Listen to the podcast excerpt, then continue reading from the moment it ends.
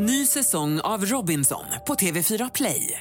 Hetta, storm, hunger. Det har hela tiden varit en kamp. Nu är det blod och tårar. Fan händer just nu. Det. är Detta är inte okej. Robinson 2024, nu fucking kör vi! Streama söndag på TV4 Play.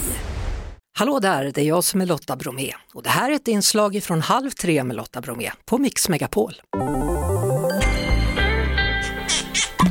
Mat och vin. Slutet av september är det, 23 närmare bestämt och då, den här helgen, då är det som vanligt bokmässa och eh, Jessica Frey, du är som vanligt där. Jag är på plats Ja. eh, som alltid eh, tänkte jag säga, men jag har i alla fall varit det nästan tio år nu. Och det är ju så kul. Alltså här möts vi, alla vi som älskar böcker och det är alla nyheter och man kommer alltid hem med liksom en stor resväska full med böcker som man kanske sällan hinner läsa. Jag har ju varit där och faktiskt jobbat där uppe på övervåningen och stått Ja. vid det här provköket som finns där. Det är kokböcker i mängd, det finns ju hur mycket som helst, det är en av de populäraste genrerna. Precis, och det är där uppe man ofta hittar mig också, lagandes mat och dela ut smakprover och man kan köpa signerade böcker. Och det är så kul för att här ser vi också vilka trender som går i kokböckerna. Och i år så är det jättemånga nudelböcker. Hur man gör liksom egna nudlar och liksom verkligen nördar in sig i det. Så man kanske tänker nudlar snabbmat, men det här är nudlar på riktigt.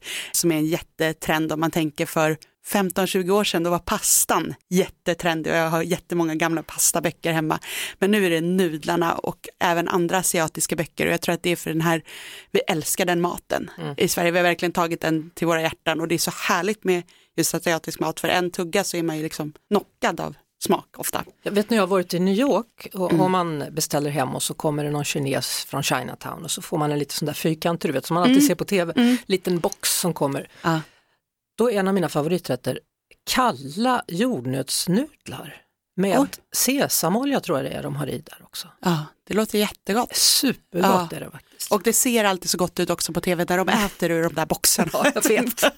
man, liksom, man vill ha. Eh, Ja. Men det är en rolig trend som är nu. För några år sedan så var det ju jättemycket vegetariska böcker. Men det är de här nudelböckerna nu som kommer stort och sen även, det är också väldigt personligt. Att det är alltid nästan författaren på omslaget och så var det inte för tio år sedan när jag började. Då var du tvungen att vara liksom superduperkändis för att få vara på omslaget. Men nu är det väldigt personligt och jag tror att det har med sociala medier att göra faktiskt. Att man är van att komma väldigt nära och man köper också sin, alltså den personen man följer på sociala medier som man ofta får recept av, den personens bok köper man och då behöver man kunna snabbt känna igen den i hyllan. Jag tror att det är det det handlar om. När man följer ett recept i en receptbok, hur ska man tänka då tycker du? Ja, det är många som säger så här, jag följer aldrig recepten. Och jag tycker faktiskt att man ska följa recepten för att personen som har skrivit receptet, den har en tanke med i vilken ordning det ska lagas och vilka ingredienser som ska vara i. Sen så är det såklart, har man inte allt hemma, man kan modifiera. Men jag brukar tänka, när jag tar en kokbok och följer ett recept, då är det nästan lite som att gå på restaurang. Om jag följer receptet exakt, då får jag ju uppleva någon annans mat. Men om jag håller på att göra massa ändringar, då blir det ju ändå min samma gamla vanliga som jag alltid äter. Så att jag tycker att man ska följa recepten, då märker man också vilka recept som är bra och mindre bra.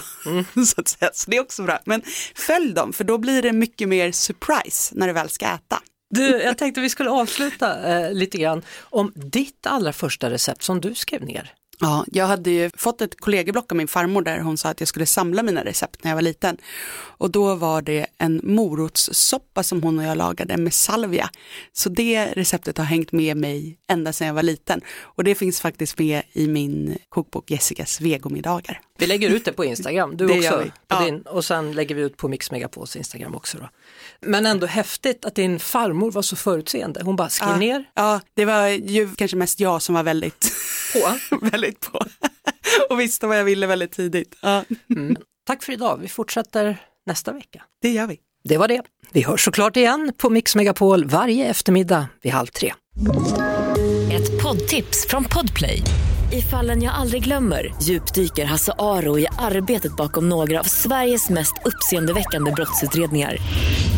Går vi in med hemlig telefonavlyssning och, och då upplever vi att vi får en total förändring av hans beteende. Vad är det som händer nu? Vem är det som läcker?